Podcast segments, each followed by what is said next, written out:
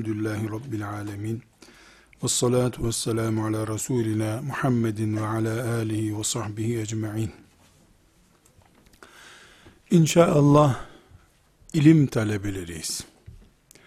Rabbimiz bizi ilme talip kimseler olarak kabul buyursun diye niyaz ediyoruz. Alim olamasak da alimleri sevenlerden, ilim için gayret edenlerden olmayı temenni ediyoruz. Dolayısıyla bizim bir ideal alim anlayışımız olması lazım. Her kütüphanesi büyük olanı alim diye öpüp okşayacağız mı? Yoksa bizim bir alim profilimiz var. Bu profilin içini doldurana mı alim diyeceğiz? Aksi takdirde konuşmasını beğendiğimiz, çok kitap yazan veya şöhreti çok olan kimse peşinden gideriz. Halbuki biz akidesi olan ve bir cemaat anlayışı olan insanlarız. Orta yerden filanca meşhurdur diye peşinden gidecek halimiz yoktur. Eğer gün geldi de Müslümanlar televizyondaki şöhretine göre insanlara alim diyorlarsa iple saman birbirine karıştı demektir. İşler karıştı demektir. Daha popüler konuşan, daha heyecanlı konuşan mı yoksa Resulullah sallallahu aleyhi ve selleme varisliği daha kat'i olan mı alimdir? Bu e, tahkikimizi çok derin yapmak zorundayız.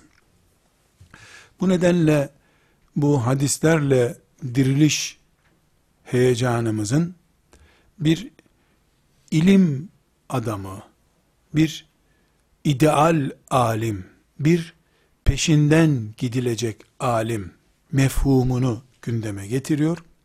Çünkü sürekli ilim ve ilim adamını övüyoruz. Dolayısıyla her meşhurun peşinden gitmek gerekir mi diye e, endişemiz veyahut da merakımız olabilir. Bu sebeple hangi alim özellikle de bizim diyarımızda e, Kur'an-ı Kerim'in dili olan Arapçayı e, ana dili olarak kullanmayan işte Türkiye gibi ve diğer e, İslam toprağında yaşayan Müslümanların çok özellikle seçici bir alim profilleri olması lazım. E, aksi takdirde e, çok isabetli bir e, tercih yapmış olmayız. Kardeşlerim, elbette iç dünyamıza ait kararı Allah verecek kimin ne kadar değerli alim olduğunu kıyamet günü göreceğiz. Bizim zahiren dış bakış itibariyle böylesini istiyoruz diyebileceğimiz bir tahmin yapmamız mümkündür. Kalpleri Allah bilir. Tarihimiz bu tür e, örneklerle doludur. Biz herhangi bir şekilde insanların imanı, takvaları, Allah'a yakınlıkları, ihlasları ile ilgili bir karar veremeyiz. Bunu yaptığımız an e, dalalet olan, yanlış olan bir iş yapmış oluruz. Kimsenin ihlasını, imanını biz irdeleyemeyiz. Ama filan alim benim için daha yararlıdır diyebilirim. Biz kalite savaşından çok bize lazım olan arayışımızı ispat etmiş olabiliriz. Bu nedenle ideal alimde birinci başlığımız biz alim kime diyoruz? Nasıl alim istiyoruz? İnşallah bize de nasip olursa bari nasıl bir alim olalım ee, sorusunun cevabını verirken bir numaralı başlığımız kardeşlerim alim dediğimiz insan ayet, hadis, sahabe, tabi'in sözünü kaynak olarak kullanan insandır. Bir saatlik konuşmasında beş sözünden biri Yunus Emre'den alıntı olan insan bizim aradığımız alim değildir. Konuşmasında beş sözünden dördü Celaleddin Rumi'den alıntı olmamalıdır. Mehmet Akif Ersoy'la konuşmasını donatan insan, kötü insandır demiyorum. Yunus Emre'den alıntı yapmak haram değil, günah değil.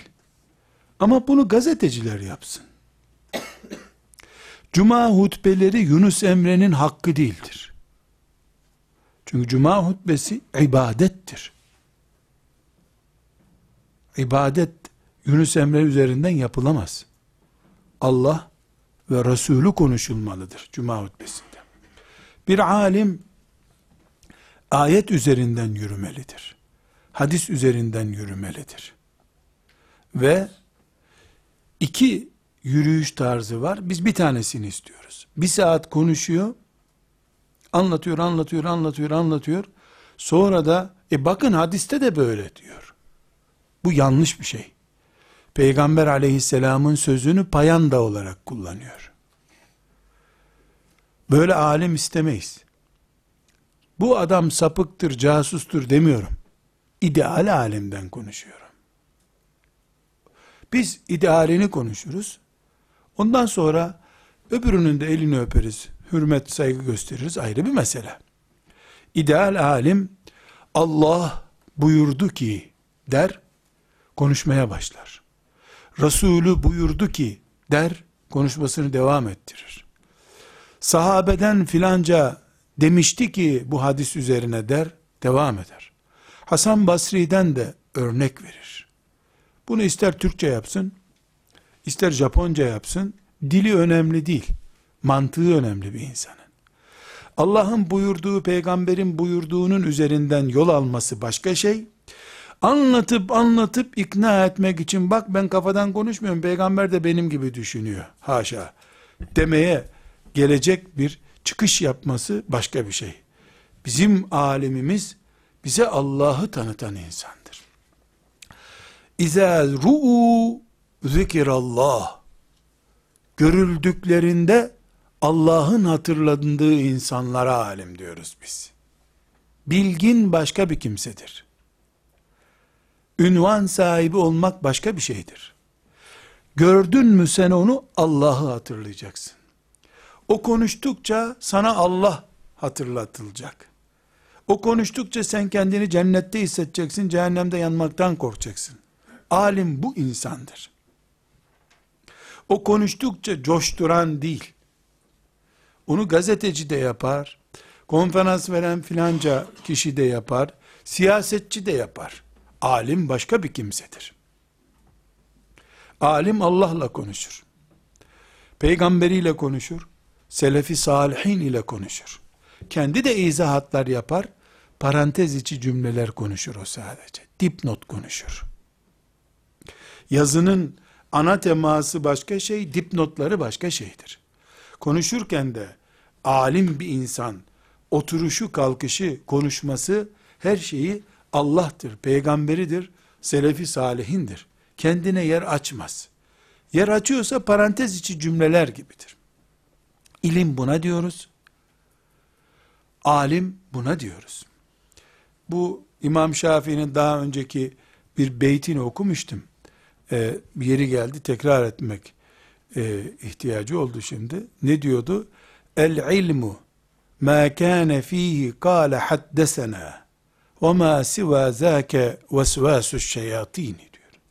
İlim dediğin kâle haddesena diye başlayan ifadelerdir. Gerisi şeytan vesveseleri diyor. Kâle haddesena yani ben filancadan duydum bu rivayeti deyip Resulullah sallallahu aleyhi ve selleme ulaştırıyorsa insan ilimdir onun yaptığı. Gerisi vesvasü şeyatin. Şeytan vesvesesi gerisi diyor. Bu alimlerin kendilerine ait düşüncelerini konuşmaması manasında değil elbette. Çünkü İmam Şafii de böyle dediği halde kendine ait pek çok şey konuştu sonra ve öncesinde de. Fakat bir konuşmanın ana temasının Allah ve peygamberine ait olması başka şey, En sonunda bir hadis meali geçmesi başka şeydir. Elbette sadece ayet ve hadislik konuşmayı anlamaz insanlar zaten. Anlamayabilirler. Belki bir hadisin de yarısı okunur bir saatlik bir konuşmada. Ama ana tema kişinin kendi kanaatlerini şişirmesi olmaz. Çok ince bir çizgi üzerinden bu farkı anlatıyorum. Kendi kanaatlerini şişirip şişirip anlatması başka şey. Allah'ı ve peygamberi anlatıp kendi kanaatini de arada ben böyle bir izahat gördüm filan yerde demesi başka bir şeydir. Öbürleri cahildir demedim. Demiyorum. Demem de. Ama Ebu Hanife böyleydi diyorum. İmam Malik böyleydi diyorum. Hasan Basri böyleydi diyorum. Biz de Hasan Basri'ye hayranız. İbni Hacer böyleydi. Ben de İbni Hacer'e hayranım zaten. Mantığı ayet üzerine, hadis üzerine kuruludur. Selefi salihin üzerine kuruludur. Şöyle değildir hiçbir zaman. 100 sayfalık kitabını okuyorsun. Bir konuyu batılı bilmem kime dayandırmış. Öbür konuyu İbni Haldun'a dayandırmış. Öbür konuda da bakıyorsun Kur'an'da da böyle diyordu diyor. Kur'an-ı Kerim'le İbni Haldun batılı jank bilmem ne aynı hizaya oturmuşlar. Bu güneş yarılıp da parçaları kafamıza düşse ancak bu kadar bir afet olurdu. Mesela takvim e, yıllardır evime sokmuyorum. E, bakıyorum birinci sayfasında günün sözü bir ayet. Öbür gün günün sözü Yunus Emre'den. Öbür gününün sözü batılı bilmem kimden. Sözler güzel olabilir. Bir gün Rabbimin konuştuğu köşede öbür gün batılı bilmem kim konuşamaz. Doğulu kimse bile konuşamamalı. Bu bir saygınlık meselesi. Nasıl Mushaf-ı Şerif'i ben kütüphanede romanların yanına koymuyorum. Roman yazarının sözünü ayetin yanına nasıl yazacağım ki ben? Takvimler böyle bir laubali diye o takvimleri evime sokmak istemiyorum ben de. Ağrıma gidiyor. Kabullenemiyorum bunu. Alim kendi de konuşur ama Allah'ın konuştuğunun yanında konuşmaz. Peygamberinin konuştuğunun yanında konuşmaz. Kendisini Hasan Basri'nin ilkokulda arkadaşı gibi görmez. Herkes yerli yerine oturur.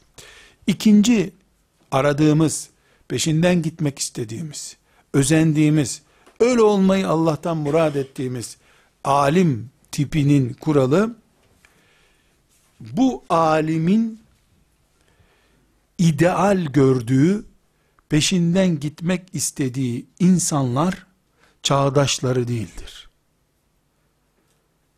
Ümmeti Muhammed'in geçmiş büyükleridir. Üzerinden en az 100 sene geçmedikçe, bir alimi peşinden gidilecek alim olarak görmez. Hoca olarak görür. Saygın biri olarak görür. Ayrı bir mesele. Ama üzerinden en az bir asır kesip geçip eserleri tenkit edilmiş mi, edilmemiş mi, hatalar ortaya çıkmış mı, çıkmamış mı, dünyaya bakışı ne kadar isabetli olmuş, ne kadar isabetsiz olmuş, ancak asgari bir asırda belli olur bu. Ebu Hanife rahmetullahi aleyh peşinden gitmeyi şeref kabul ettiğimiz bir Allah dostu. Neden? 1200 senedir binlerce insan Ebu Hanife'ye sataşıyor. On binlerce insan da Ebu Hanife'den Allah ve peygamberini öğreniyor. Ebu Hanife'ye sataşmak neredeyse talebeliğin, alimliğin şartları haline gelmiş bir zamanlar. Sataşan sataşana, sataşan sataşana, sonunda Ebu Hanife'ye yücelmesi için hizmet etmişler hep meğer ki. Onlar sataştıkça, Ebu Hanife'nin ne kadar haklı olduğu ortaya çıktı. Niye bu Ebu Hanife kıyası başımıza bela etti diye, sataşanlardan sonra, bugün anlaşıldı ki Ebu Hanife'nin kıyas uygulaması olmasa, Abbasilerde, hatta Emeviler bile ilk zamanda, daha sonra Selçuklular gelişen asrın uygulamaları karşısında, yeni gelişen hayata karşı İslam'ın donuklaşmasını önleyemeyeceklerdi. Niye Ahmet bin Hanbel'in e, mezhebi üzerinden bir İslam devleti kurulamadı? Çünkü kıyasın fazla uygulanmadığı bir mezhep. Şimdi Suudi Arabistan'a e, Hanbeli mezhebi mezhep olarak yerleştirildi. Her ne kadar biz Hanbeli mezhebini başımızda taç kabul ediyorsak da Suudi Arabistan'da niye mezhepsiz deniyor alimler? Aslında mezhepsiz değildirler. Tipik bir Hanbelidirler. Koyu Hanbelidirler hem de. Ama Hanbelilik Suudi Arabistan gibi 20 küsür milyonluk bir devletin üstelik de şeriat devletiyim dediği bir devletin idare edilmesi için yeterli değildir. Açılımı dar bir mezheptir. Hadisle ve nasla sabit bir mezheptir. E, bakıyorsun ki oradaki din, din işlerinden mesul olan heyete bakıyorsun. Hanbeli mezhebiyle bağlı tutmuyorlar kendilerini. Hangi mezhepten fetva alabiliyorlarsa oraya uyguluyorlar. E, Alimler Konseyi diyeceğimiz bir konseyleri var. E, o oranın fetvalarında Ahmet bin Hanbel'den alıntılar yüzde ellinin üstüne geçmiyor hiç. Burada neyi örnek veriyorum? Ben şimdi mezhebin hangisi faziletli hangisi değil demiyorum. Ha, Ahmet bin Hanbel'in mezhebini basit görmüyorum. Öyle bir Allah dostuna saygısızlıkla dirilmek istemem kıyamet günü. Ama Ebu Hanife olmasaydı Ebu Hanife'nin açtığı kıyas şahıs olarak değil, o mantık geliştirilmeseydi İslam ihtiyaçlara cevap verebilir bir din olmayacaktı. Ya da isteyen istediği gibi fetva verecek, din uygulayacak, bir şeyi Kur'an'a benzeterek yapma e, yüceliğinden keyfine göre yapma safahatine düşecekti Müslümanlar. Bu sebeple Ebu Hanife'ye sataşıldı, sataşıldı. Sonra bakıldı ki bu sataşmalar hep onun daha parlaması içinmiş meğer ki. Sürtündükçe ona insanlar, sistemler, sistemler sürtündükçe Ebu Hanife parladı bir mücevher gibi karşımıza çıktı. Rahmetullahi aleyhim cemiyen. Dolayısıyla Ebu Hanife'nin bin sene sonra benim gözümde ideal bir Allah dostu olarak parlaması başka şey. Mesela dost, dostum veya büyüğüm veya hocam veya ayağına kapanayım dediğim büyük alimler var benim muhasırım. Onları sevmem, saygı duymam başka şeydir. Ebu Hanife'yi ideal olarak görürüm, öbürlerini de büyüğüm olarak görürüm. İdeal olarak görmek başka şey, büyüğüm olarak görmek başka şey. Büyüğüm dediğim insanların önünde de ceketimi düğmeler, edebimi muhafaza ederim. Ama her sözlerini Ebu Hanife'nin sözü gibi almam. Çünkü onlar henüz tenkit edilmediler. Kitapları, şahsiyetleri, uygulamaları daha tenkit edilmedi yeteri Zaten sağ olduğu için herkes onlara hürmetle muamele ediyor. Bu sebeple bizim alim dediğimiz insan ideallerini asırlar öncesinin büyükleri üzerinden ter, İbni Hacer'i tercih eder. Suyuti alim ideal insan olarak görür. İlk gördüğüne aşık olan köylü çocuğu gibi olmaz. Şehire gelmiş, şehirde ilk gördüğüne aşık olmuş. Ya bu sıradan bir şey. Didik didik edebileceğin e, bir dökümanın olmalı ortada. Onun üzerinden İbn Hacer'e hayran olmalısın. Suyuti'ye hayran olmalısın. Veyahut da işte Zehebi'ye hayran olmalısın. Zehebi mesela biz bir Allah dostu, alim bir insan olarak e, ben inceliyorum. Bakıyorum ki alim dediğim böyle olmalı. Böyle olmalı. Dostu, düşmanı herkes onun kudreti önünde pes etmiş. Ama avamdan insanlar, avamdan yani biz ilim talebesi için ideal alim kimdir'i konuşuyoruz. Sıradan insanlar sarığı büyük olana da hayran olurlar. Tarikatı meşhur olana hayran olurlar. Çok kitabı olana hayran olurlar. Bunu tenkit edemeyiz. Bu ayarları ilim erbabı yapabilir. İlim erbabı olmayan böyle bir ayar yapması gerekmez zaten. O dediğim gibi çok iyi konuşanı da beğenir. Ağlayan hocaya hayran olur. Çok duygusal hoca. Hatta haya ederek bu meclise zikredilmesini ayıp gördüğüm halde ibreti alem olsun diye. Aynı takımı tuttuğu için de bir alemi sevebilir. Bugünleri de gördük çünkü. Alimler de futbol takımı tutuyorsa bizim yörenin alemi, bizim takımı tutan alim diye bir afete de düşmüş olabilir. Allah muhafaza buyursun. İdeal alim, bizim örnek göreceğimiz alim, bir numaralı şartı ayetle konuşan, hadisle konuşan, selefi salihine itibar eden alimdir. Konuşmalarında, kitaplarında. İki, ikinci şartımız, bu alimin ideali, örneği, yani bizim ideal alacağımız alimin ideali, bu zamanın şu bu hocası değildir.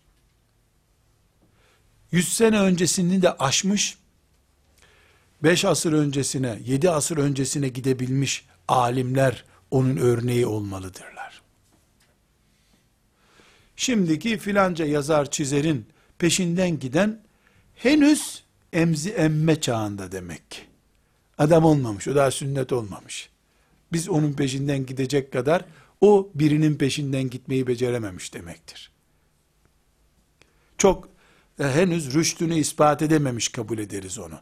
Ama bu onu tahkir etmemiz için daha beş kuruş etmez e, dememiz için hüccet değil şüphesiz. Yani ideal olanı konuşuyoruz ama ideal olmayan değersizdir anlamına değil. Üçüncü şartımız hangi alim arzuluyoruz da? Üçüncü şartımız ümmeti Muhammed'in alimi olacak. Ümmeti Muhammed'in alimi olacak.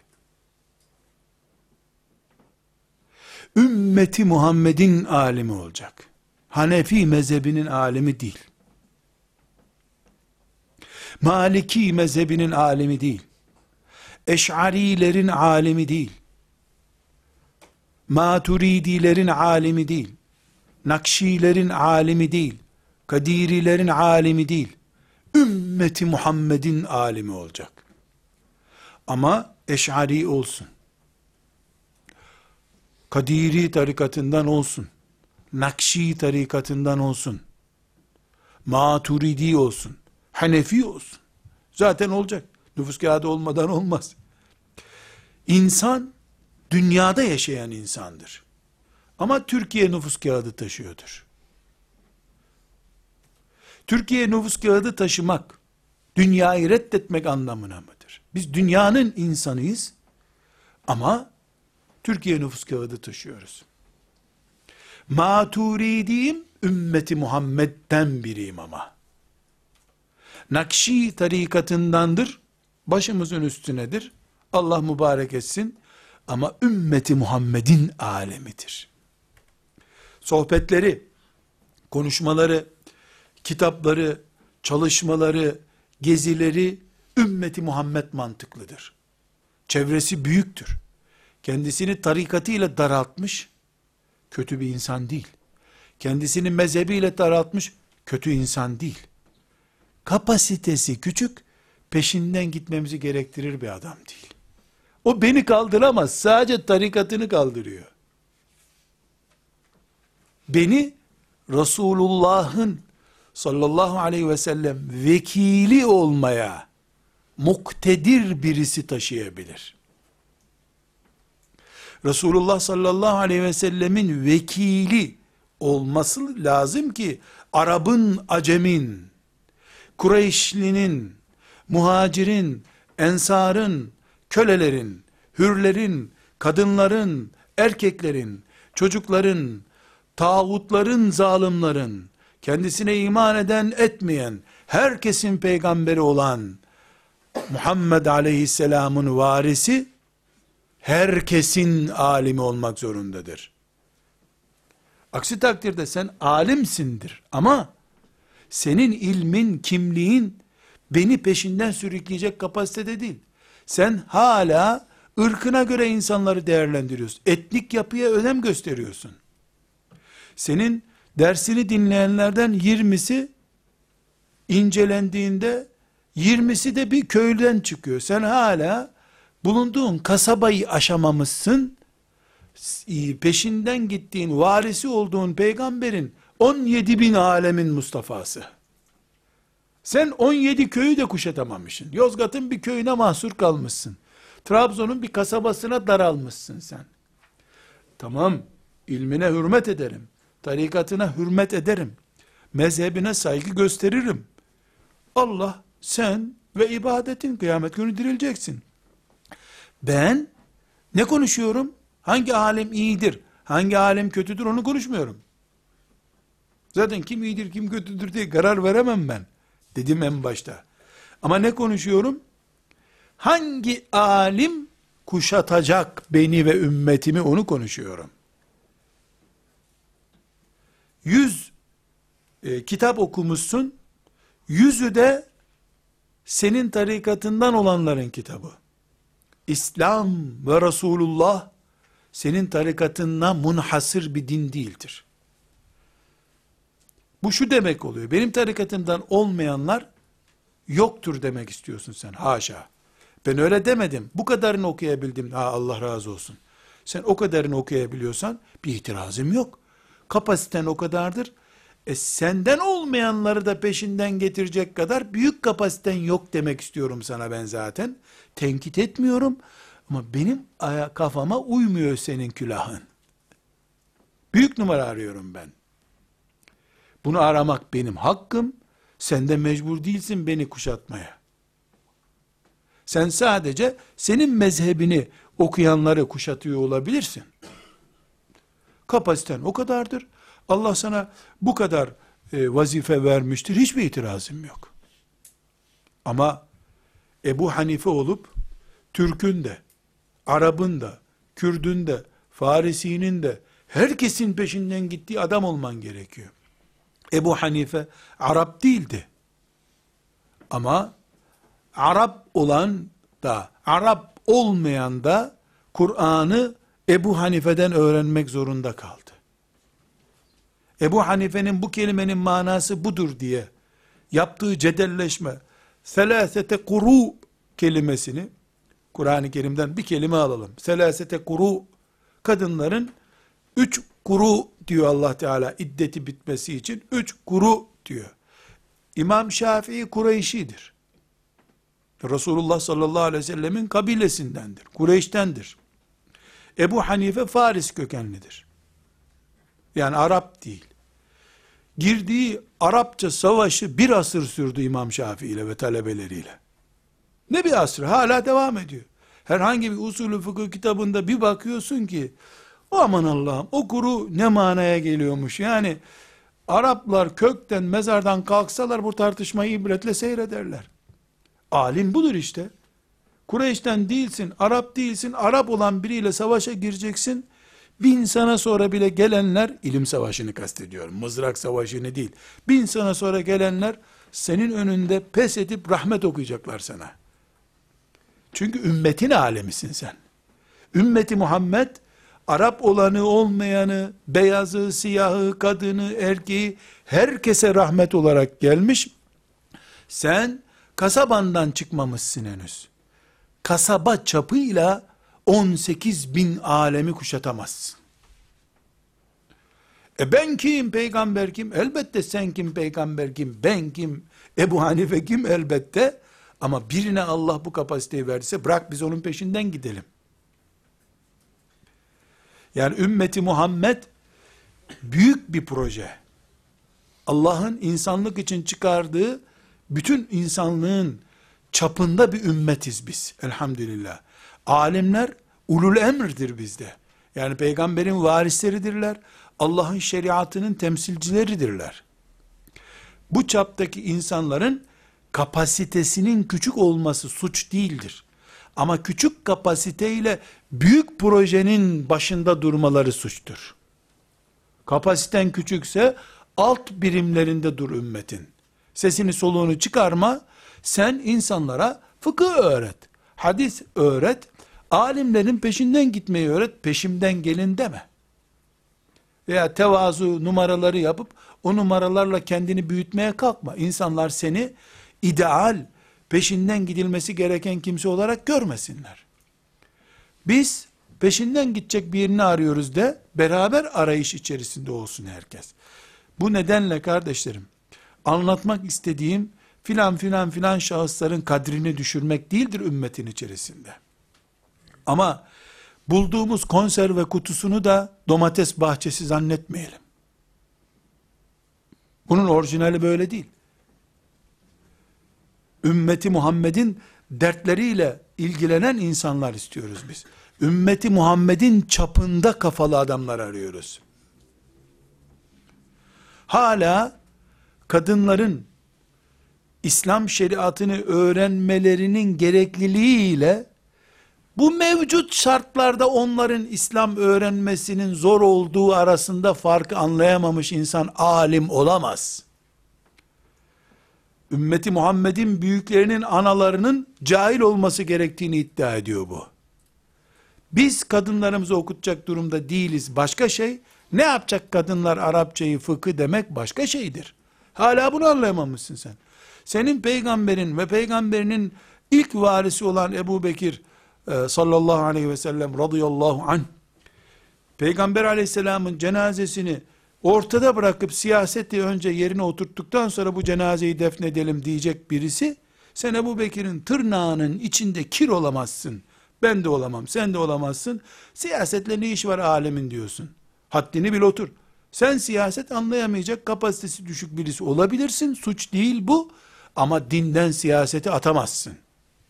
Sen ilk girdiğin siyasi manevrada rezil rüsvay olmuş olabilirsin. İstiğfar et, köşene çekil, benim anlamadığım iştir de. Nasıl fıkıhtan anlamıyorum, sadece tefsirden anlıyorum diyorsun, ayıp olmuyor bu. Siyasetten de anlayamayabilirsin. Ümmeti Muhammed'i birinin güdümüne mahkum bir ümmet haline getiremezsin sen. Ben anlamıyorum, anlayana gidin. Yani diş doktorusun sen, e kalp hastası bir adama e, dişini çekeyim kalbin iyileşsin mi diyeceksin. Uzmanına gönder. Her işten anlamıyor olabilirsin. Biz ümmeti Muhammediz. İnsanlık için çıkarıldık.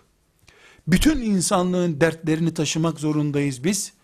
Ve peygamberin varisi olan alimler de peygamber aleyhisselamın bütün dertleri sırtında taşıyıp şöyle huzur içerisinde çocuklarıyla, eşleriyle oturacak bir gece bulamadığı gibi bu dünyada, alimlerimiz de onun varisleri iseler, o kapasitede düşünecekler. Düşünememeleri suç değildir. Allah vermediğinden hesap sormaz. Ama bende olmayan yoktur derlerse bu cahilliktir. Hadlerini bilmeme cahilliğidir bu. Bundan da büyük cahillik olmaz herhalde. Biz alim derken, Resulullah'ın sallallahu aleyhi ve sellem varislerini istiyoruz. Bu varisleri Resulullah sallallahu aleyhi ve sellemin elbette nübüvvet makamına sahip olmayacaklar ama branşına, çalışmalarına sahip olacaklar. Onlar da sosyal kimliklere sahip olacaklar. Siyasetten anlayacaklar, her şeyden anlayacaklar. Kapasiteleri kadar şüphesiz. Dördüncü özellik, dördüncü özelliği, biz alim dediysek, yani mesela bu işte ezer mezunu olmayacak, illa medrese mezun olacak, ilahiyat mezun olmayacak, diploması olmayacak, böyle şey kastetmiyoruz. Olsun, hatta diploması olsun, çok iyi olur. Ama diploması onun peşinden gidecek. O diplomasının peşinden gitmeyecek. Yani ameli olan alim olacak. Benim önüme diplomalarını çıkarmayacak. Diplomalarının istihkakını önüme çıkaracak. O diplomada yazan ünvanlarını önüme çıkaracak. O ünvanların pratiğini bana gösterecek. Hadis alimi misin? Hadisleri senin üzerinde görmeli bu ümmet. Fıkıh alimi misin? Fıkhı sende görmeli bu ümmet. Fıkıh incelik demek sen kaba bir adam olamazsın. Fıkıh adı üstünde ince demek. İnce ayar, ince düşünce demek fıkıh. Tefekkuh, fıkıhçı olmak, fakih, adam olmak, ince düşünen, ince hesap yapan adam demektir. Kaba birinden, ölçüsü, konuşması, tavrı, kimliği kaba birinden fıkih olmaz. Fakih, ince ayarlı, ince düşünen, nazik insan demektir. Bu ümmetin alimi, diplomasını değil, diplomasının pratiğini gösteren insandır. Zaten ilim tevazu gerektirir. Tevazu, kağıda, paraya, şöhrete dayanmamak demektir. Eğer bir alim, kimliği ve şahsiyetinden önce önüme belgelerini koyuyorsa, e bu alimliğin içini oymuş bir insan demek bu. Dolayısıyla biz bunu e, herhangi bir şekilde alim koltuğuna oturtmaktan hoşlanmayız. Çünkü peygamber sallallahu aleyhi ve sellem her yerde peygamberliğiyle bilinmekten bile hoşlanmadı. Nihayetinde e, güneşte kurutulmuş et, ekmek yiyen bir kadının çocuğuyum canım abartmayın diyen bir peygamberim var benim. Ki dağlar önünde eritilmeye hazır bir kimliğe sahip olduğu halde. Yani alim insan, diplomasız insan demek değildir. Maddi belgeleri de bulunsun beraberinde. Hiçbir itirazımız yok. Bununla hatta iftihar ederiz. Bizim alemimizin filan sertifikası da var deriz. Ama sertifikalar, belgeler, diplomalar onun peşinden gider. O onların peşinden gitmez. Biz beşinci özellik olarak da peşinden gideceğimiz alemin özelliklerini, üstünlüklerini başkalarından dinlemek isteriz. Düşmanının bile sevmeyenlerinin dahi onun faziletlerini anlattığı alime alim deriz. Mesela Zahidül Kevseri'ye, Mustafa Sabri'ye alim derim ben. Aleyhinde makale yazanlar bile eli öpülecek adam demişlerdir. Alim budur işte.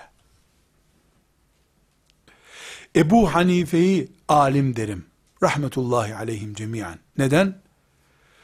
Onun kafası vurulması gerektiğini söyleyecek kadar aleyhinde olanlar dahi çoluk çocuğuyuz bunun demişlerdir. İlimde çoluk çocuğuyuz. Beğenmiyorum metodunu ama ilimde çoluk çocuğuyuz. Ebu Hanife babamız sayılır demeye getirmişlerdir. Üstünlüğümü ben ve talebelerim anlattığı zaman alimlik ucuza gitmiş olur. Üstünlüğümü sevmeyenler anlatmalıdırlar. Bu da ancak aradan bir asır geçtikten sonra anlaşılabilir, teslim edilebilir bir özelliktir. Aksi takdirde ümmeti Muhammed'in büyük çaptaki bu insanlık projesinin ümmeti Muhammed insanlığın projesi. İnsanlığın son gemisi. Bundan sonra Allah bir gemi daha çıkarmayacak bu limanlara. Son gemi. Bu gemiye binen ancak Allah'a giden yola çıkmış olacak. Böyle büyük bir projede ümmeti Muhammed projesinde önü çeken insan dostunun düşmanının takdir ettiği insan olmalıdır. Bu özellikle arkadaşlar inşallah e, şefaatine vesile olmasını e, umarak Allah'tan temenni ederek zikretmek istiyorum. Suudi Arabistan'da Mekke'de bulunduğum zamanda çok hayran olduğum e, insanlar oldu. Başka derslerde de zikretmiştim. Dediğim şefaate ermek istiyorum. O sebeple burada isim vererek tekrar zikrediyorum. Ebul Hasan en-Nedvi rahmetullahi aleyh imrendiğim, hayran olduğum tiplerden biriydi. Ebul Hasan en-Nedvi e, zikredeyim ki siz de neden hayran olduğumu anlayınız. İmam Rabbani'nin torunlarındandır. İmam Rabbani'nin özellikle ben tercüme etmiştim e, onun İmam Rabbani ile ilgili kitabını o zamanlar. Sonra o kitap, o tercüme benim teslim ettiğim yayın evi tarafından kaybedildi. Ben de bir daha tercüme edemedim. Ahmet Faruk Es-Serhendi diye meşhurdur kitabı. Davet Önderleri isimli e, seride hazırlamıştı onu. Rahmetullahi aleyhim cemiyan.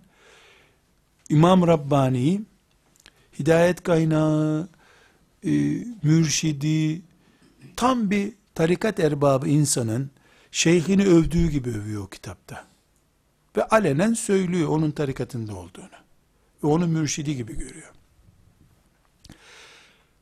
Hasan el-Benna'nın İhvan ekolünü ise e, cemaat örneği olarak görüyor. Çalışma örneği olarak görüyor. Tipik bir Hasan el-Benna'cıdır. Seyyid Kutup rahmetullahi aleyh şehit edileceği zaman kampanyalar başlatmış. Yani Mısır'a baskı yapıp bu şehadeti önleyelim, idam edilmesin diye. Tipik bir Hasan el-Bennacı.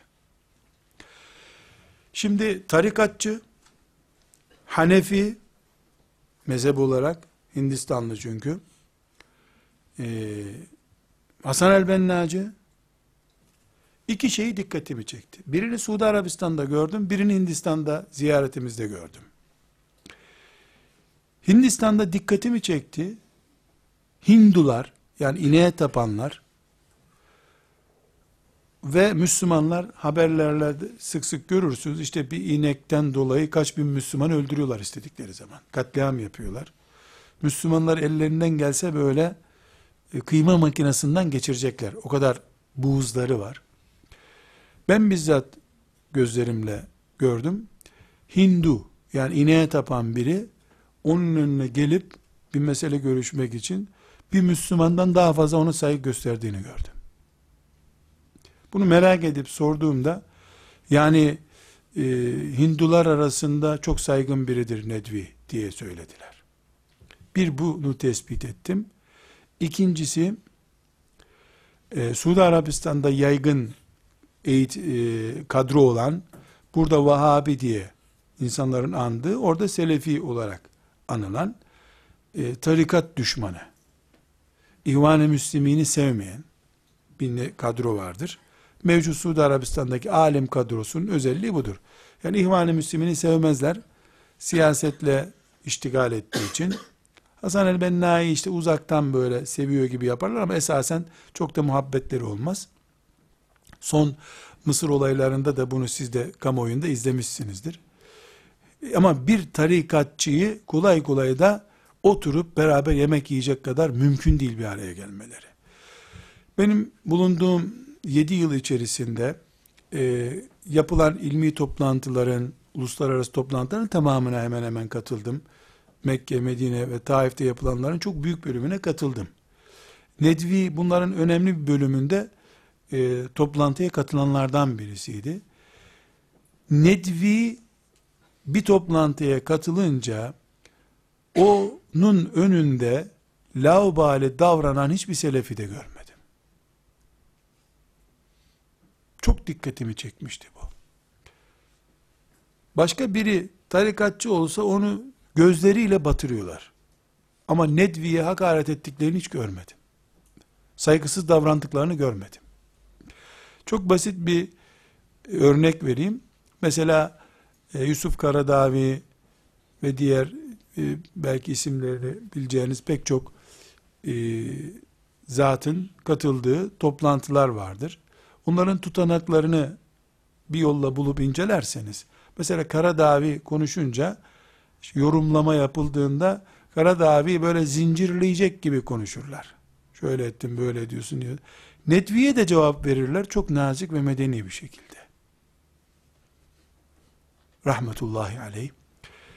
Burada Nedvi ideal alim olarak göstermek için konuşmuyorum. Canım canı bedeninde idi. Ben de gözlerimle müşahede ettim.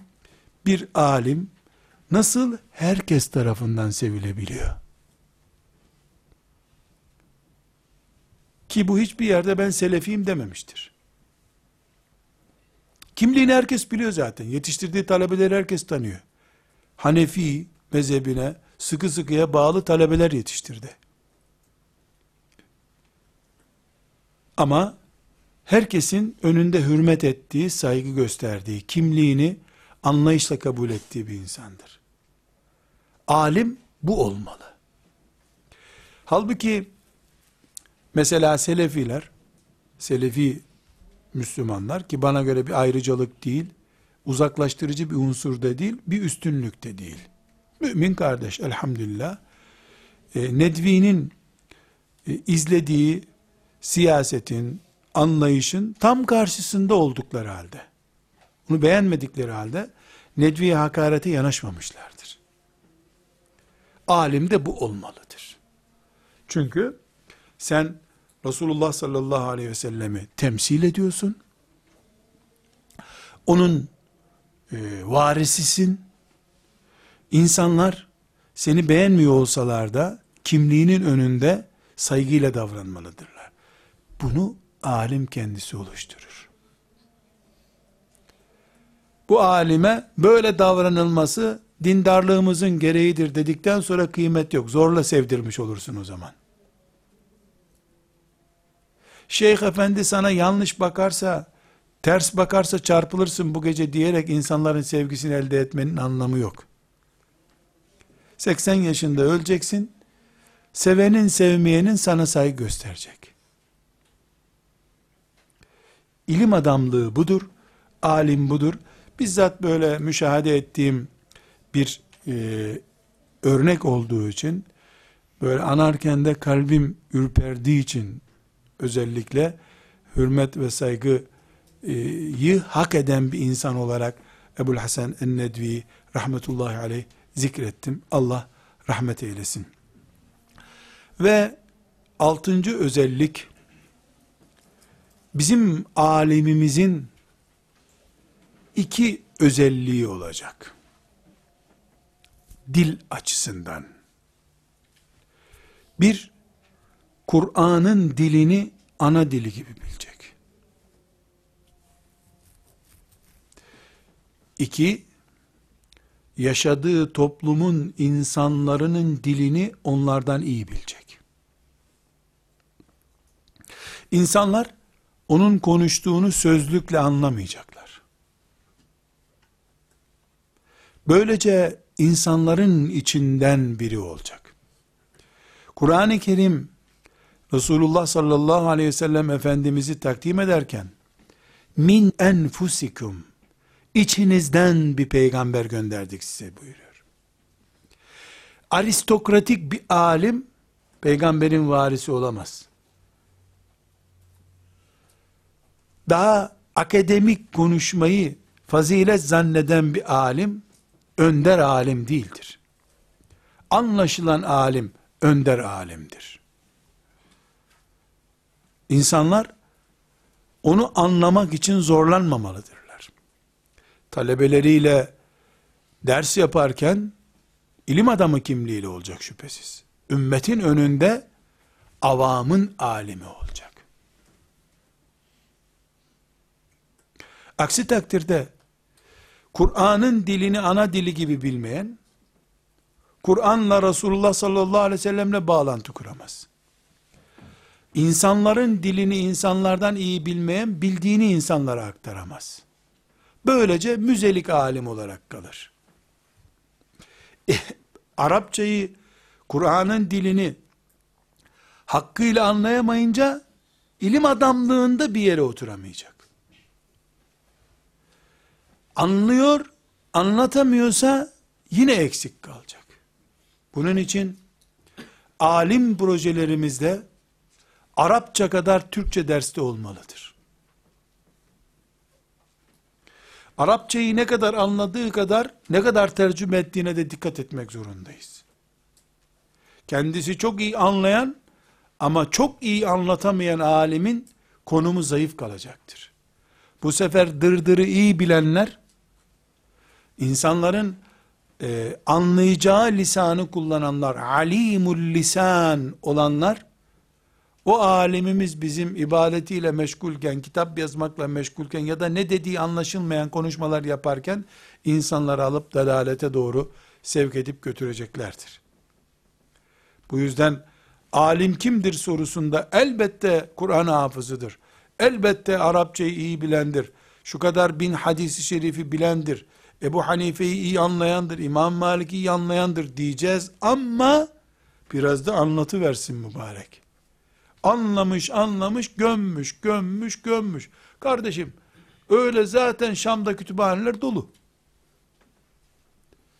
Ebu Hanife zaten ilmiyle gitti ahirete. Sen de ahirete gitmeden kafana gömmüşsün her şeyi. Ya da bir şeyler konuşuyorsun, e bu alemin önünde burnumu karıştıracak halim yok. Tabi hoca efendi deyip çıkıyorum ben de oradan.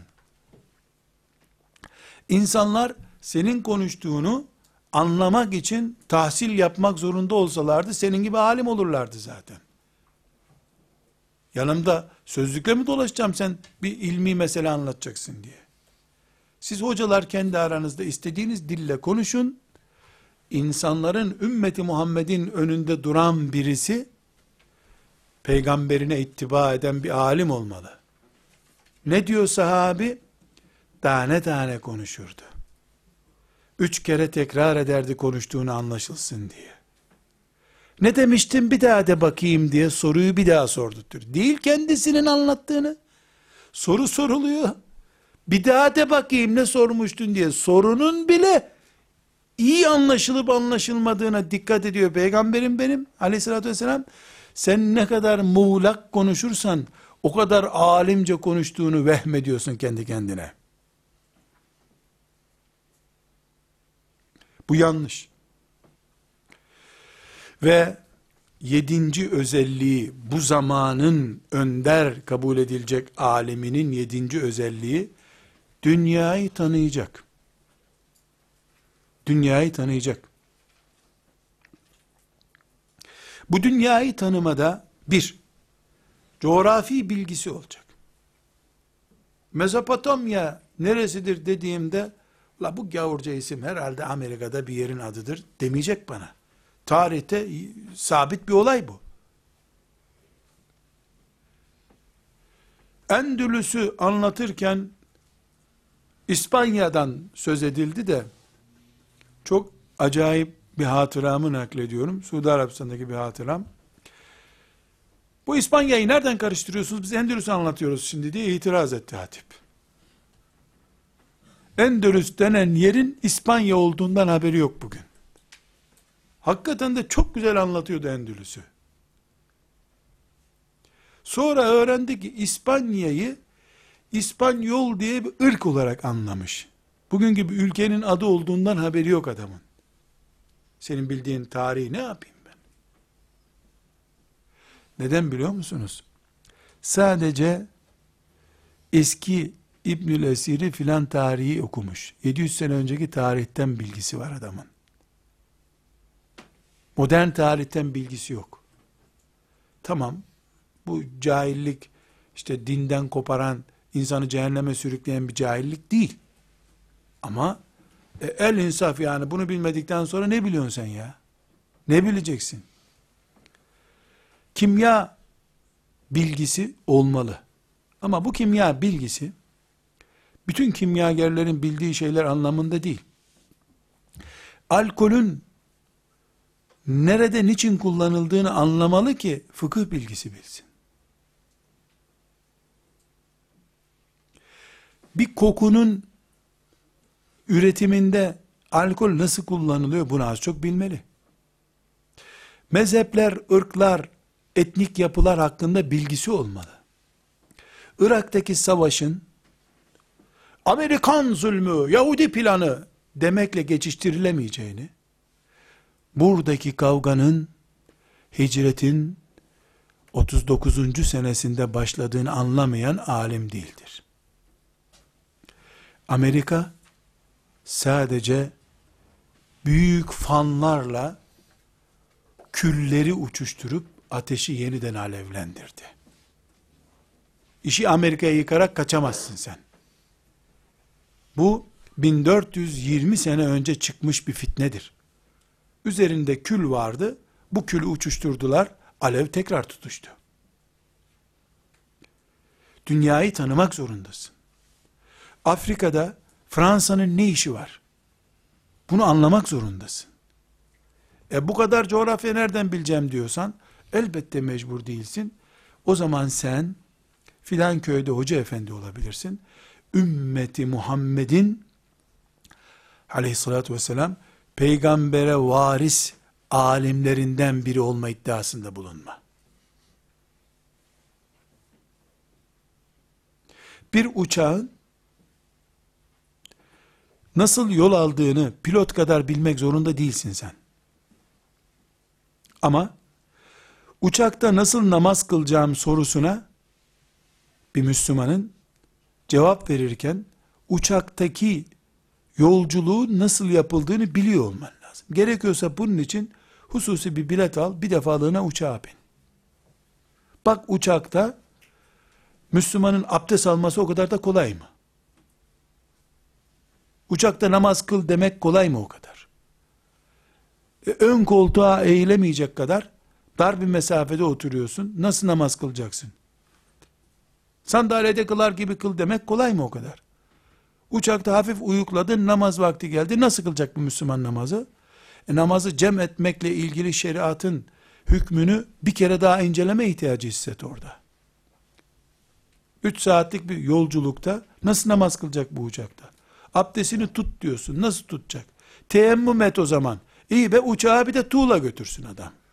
Bir bin bakalım tuğla sokuyorlar mı bu uçağa? E sen Hanefi düşmanı mısın? Sen ilim düşmanısın. Ben Hanefi düşmanı değilim. Bu mesele mezhepleri cem etme meselesi değil. Halden anlayan alim olmak meselesidir. E ben bu mesuliyeti alamam. Haklısın. Alma tabi.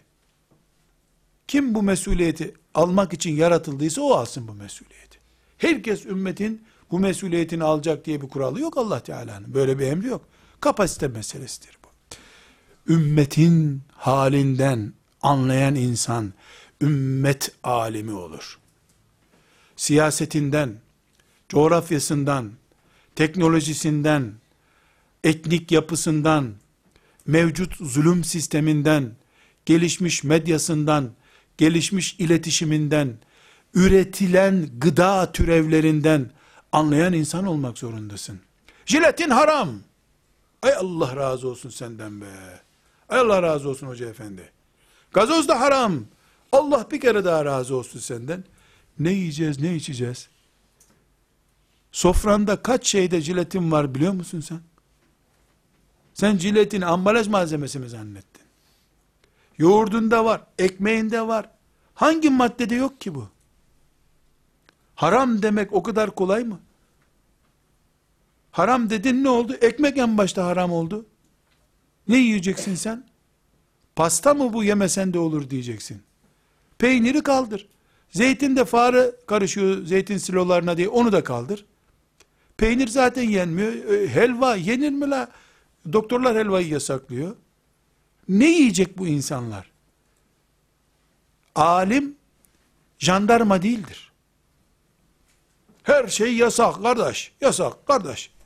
Jandarma, alim jandarma değildir. İmamdır. Önderdir. Önder, çare gösterip yasaktan alıkoyan insan demektir. Ne yapacağını göstermeden insanlara her şey yasak diyerek alimlik misyonunu yerine getiremezsin. Halden anlayacaksın. Tavizler senden kaynaklanmayacak şüphesiz. Ama insanlara bu peynir yenmez diyebilmen için 10 tane mümini de helal peynir üretin diye teşvik edeceksin. İnsanlara helal yollarını göstereceksin. Haramı öyle men edeceksin. Sen sadece haramları gösteriyorsun. Kızları okutmayın demek kolay. Ne okutacaklarını da söylemek zorundasın. Ümmeti Muhammed'in alimi başka, ilimden biraz mürekkep yalamış bir insanın ilimle meşgul olması başka. Biz elbette herkese Allah ne kadar verdiyse o kadarıyla onu kabul edeceğiz. İlimden bu kadar nasibi olanı bu kadar kabul edeceğiz. Zamanımızın Ebu Hanifesi demeyiz ama. Ebu Hanife'yi o kadar da ucuza satamam. Kimse kusura bakmasın. Zamanımın Ebu Hanifesi olduğunu bana bir kere hicret et sen göreyim Zahidül Kevseri'ye benzediğini. Zahidül Kevseri saltanat diyarından yeni gelenlerle hilafet makamından şimdiki din anlayışıyla uyuşmayacağını anlayıp Allah yolunda sarığını kafasına sarıp yollara düşen bir adam. Öyle zamanın Ebu Hanifesi olundu. Reklam yapmakla olunmuyor.